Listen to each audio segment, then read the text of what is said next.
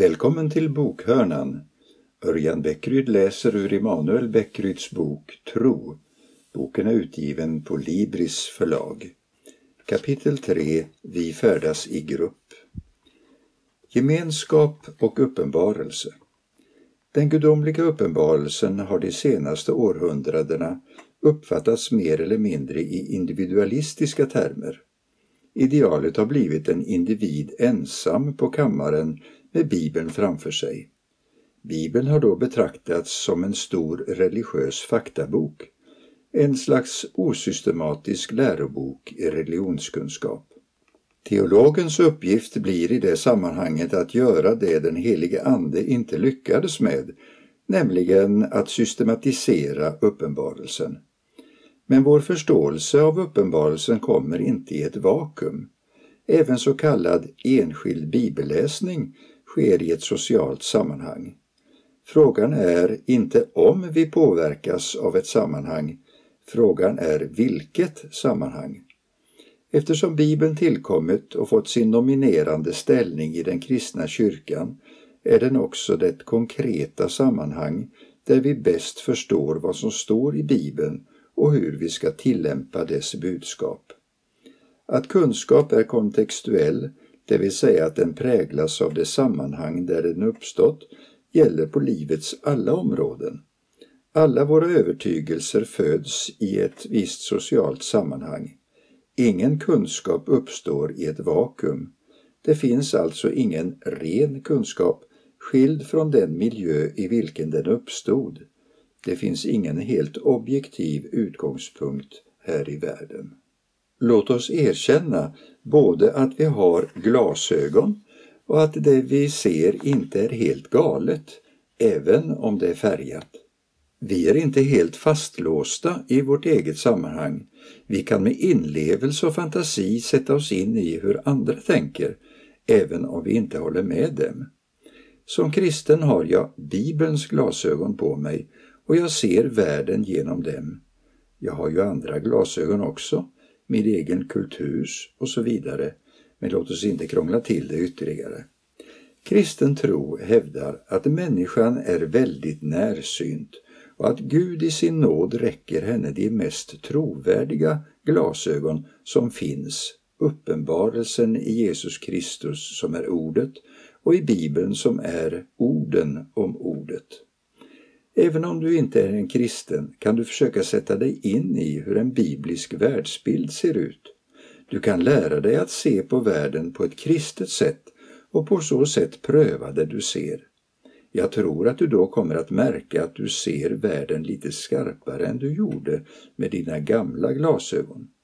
Vi kan alltså träna oss att byta glasögon ibland. När jag till exempel försöker förstå hur en ateist som Richard Dawkins tänker får jag visserligen anstränga mig ganska mycket, men det går. Det är därför det goda samtalet är så viktigt.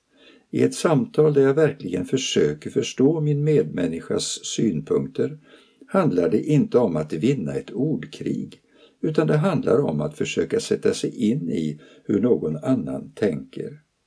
Lingvisten Deborah Tannen säger träffande att vår kultur är grälsjuk. Vi älskar debatter mer än samtal, ordkrig mer än resonerande, prat mer än lyssnande. Här är även vi kristna skyldiga. Vi är ofta så ivriga att komma med svar på vår omgivnings frågor att vi inte ens tar oss tid att verkligen förstå frågorna. Under varje fråga finns lager efter lager av dolda och ofta omedvetna antaganden. Det är först när vi gemensamt blir medvetna om dessa antaganden som vi kan ge ett bra svar. Den kristna tron har väldiga anspråk. Just därför måste vi som kristna ta oss tid att förstå våra medmänniskors frågor. Den kristna kyrkan är den konkreta sociala gemenskap som förvaltar Bibelns berättelse från generation till generation. Det är i denna gemenskap som vi lär oss tolka den bibliska berättelsen och i gemenskapen korrigerar vi varandra hela tiden. Det finns ett slags ackumulerad vishet i gemenskapen, ett slags skydd mot galenskaper. Ibland kallar vi det för traditionen. Den står inte över Bibeln men färgar hur vi tolkar Bibeln. Det finns olika kristna traditioner. Jag är till exempel inte katolik utan frikyrklig baptist och jag menar att den katolska traditionen på flera punkter behöver reformeras just i ljuset av Bibeln. Traditionen skyddar alltså mot galenskaper men den kan och bör i sin tur prövas mot Bibeln. På så sätt uppstår en växelverkan mellan Bibeln, traditionen och den kristna församlingen i nuet. Det djupaste skälet till att vi färdas i grupp är inte uppenbarelsen. Vi färdas i grupp helt enkelt därför att Gud är sådan. Vad menar jag med det? Treenigheten är inte en tråkig, konstig lära utan tillämpning. Ordet treenighet förekommer visserligen inte i Bibeln, men det är ändå en central biblisk tanke. När Gud uppenbarar sig i historien visar han sig vara en gemenskap.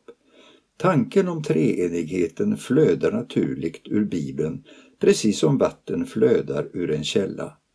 Vi tror inte på tre gudar utan på en, men den enda sanne guden är en gemenskap av tre personer, Fader, Son och Ande. Gemenskapen mellan dessa är så stark att de är ett. I evigheters evighet är Gud till sitt väsen en relation, en djup vänskap. Om vi går till första Moseboken kan vi läsa att människan är skapad till Guds avbild. Det betyder att hon har en speciell kallelse att återspegla Gud. Vi kan relatera till Gud och vi kan representera Gud på den här jorden. Vi är på något sätt tänkta att vara Guds viceregenter här. Att vara Guds avbild är att representera Gud, vara som Gud, göra som Gud. Om Gud till sitt väsen är en gemenskap, då är mänskligheten också kallad att vara det. Men eftersom synden regerar i världen är det inte så. Gud vill enighet. Vi lever splittrade och avskilda från varandra. Gud vill hela och upprätta relationer. Vi upplever alltför ofta att relationer går sönder. Oenighet uppstår. Det är i en sådan värld som kyrkan är kallad att återspegla Gud och hans avsikter. Fastän vi är individer relaterar vi till varandra. Vi är en kropp. Den kristna församlingen är kallad att visa världen hur Gud har tänkt sig att människan ska leva. Läran om treenigheten säger oss alltså något om hur vi ska leva här och nu. Gud Fader, Son och Ande är en treenig gemenskap. Vi är Guds avbild, alltså ska även vi leva förenade med varandra. När vi i församlingen är ett återspeglar vi Guds härlighet. Vi får uppleva sann glädje. Sann glädje finns i relationer, i gemenskap, i upplevelsen av enighet, i att vara en del av något större. Utan relationer förtvinar vi. Det är som den judiske tänkaren Martin Buber har sagt, allt verkligt liv är möte. Gud är till sitt väsen en relation och denna relation är så djup att Gud är en. Liksom Gud är en fast många är vi kallade att mitt i all mångfald återspegla Guds enhet. Med andra ord, vi är kallade att älska varandra. Läran om treenigheten står alltså i bjärt kontrast till individualismen och därmed utmanar denna lära vårt vardagsliv. Återspeglar vårt sätt att vara kristen gemenskap den treenige Gudens väsen och liv? Delar vi verkligen livet med varandra eller är vi mer som en ideell förening för religiöst intresserade människor? Detta är viktiga frågor som berör vår livsföring. Teologi handlar inte om abstrakta teorier utan om hur vi ska kunna leva tillsammans som Guds nya folk och på så sätt förverkliga Guds syfte med det mänskliga livet. Låt oss sammanfatta detta kapitel. Vår tids andliga resor är ofta soloresor. Den kristna tron utmanar denna individualism. Den hävdar att det är dårskap att försöka resa på egen hand. Att bli troende är att bli en del av gudsfolket som är på väg. Denna livsresa är inte som en charterresa utan snarare som en äventyrlig expedition.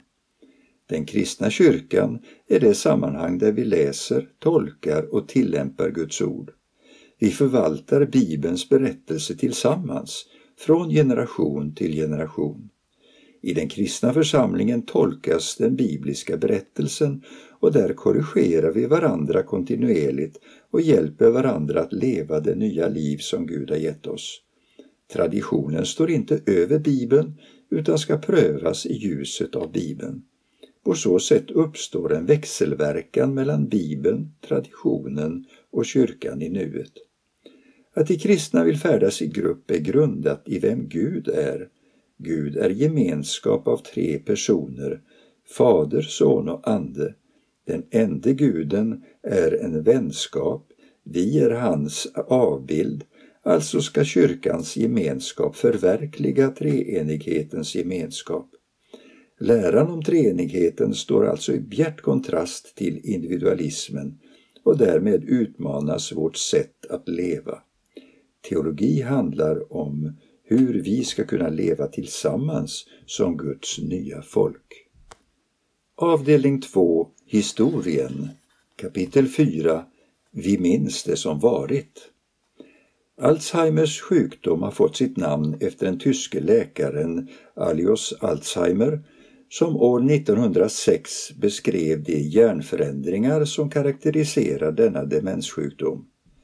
Och de flesta av oss associerar förmodligen namnet Alzheimer med just glömska.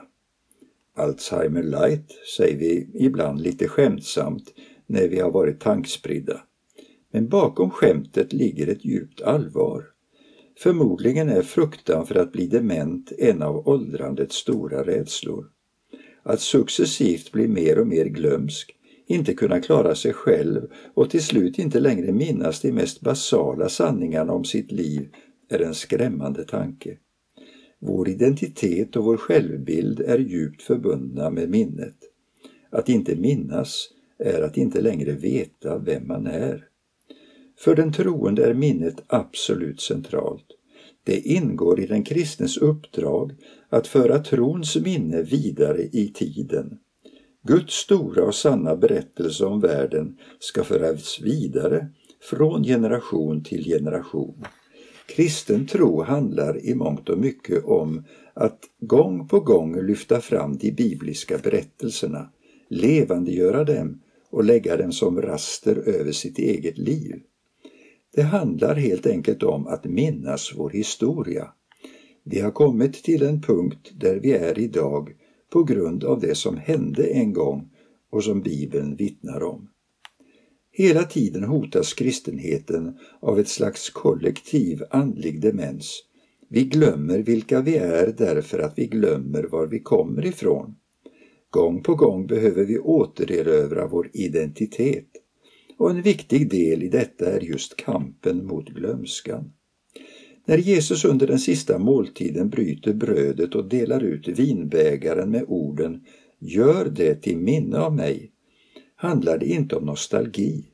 Jesus vet vilken kraft minnet har och hur viktigt det är att vi har konkreta handlingar att hänga upp det på. I nattvarden har kristna i snart 2000 år firat de mest centrala händelserna i den kristna tron, Jesu Kristi död och uppståndelse. När vi ser tillbaka på det som varit får vi hjälp att ta ut kursen i nuet. Denna åminnelse är kyrkans kompass som pekar ut färdriktningen för pilgrimsvandringen in i framtiden. Så säger Jesus också var gång ni äter det brödet och dricker den bägaren förkunnar ni alltså Herrens död till dess han kommer. Även om nattvarden är mycket mer än en minnesstund är den inte mindre än det. Nattvarden ska inte firas som en stämningsfull andlig upplevelse frikopplad från Jesushändelsen och Guds framtid.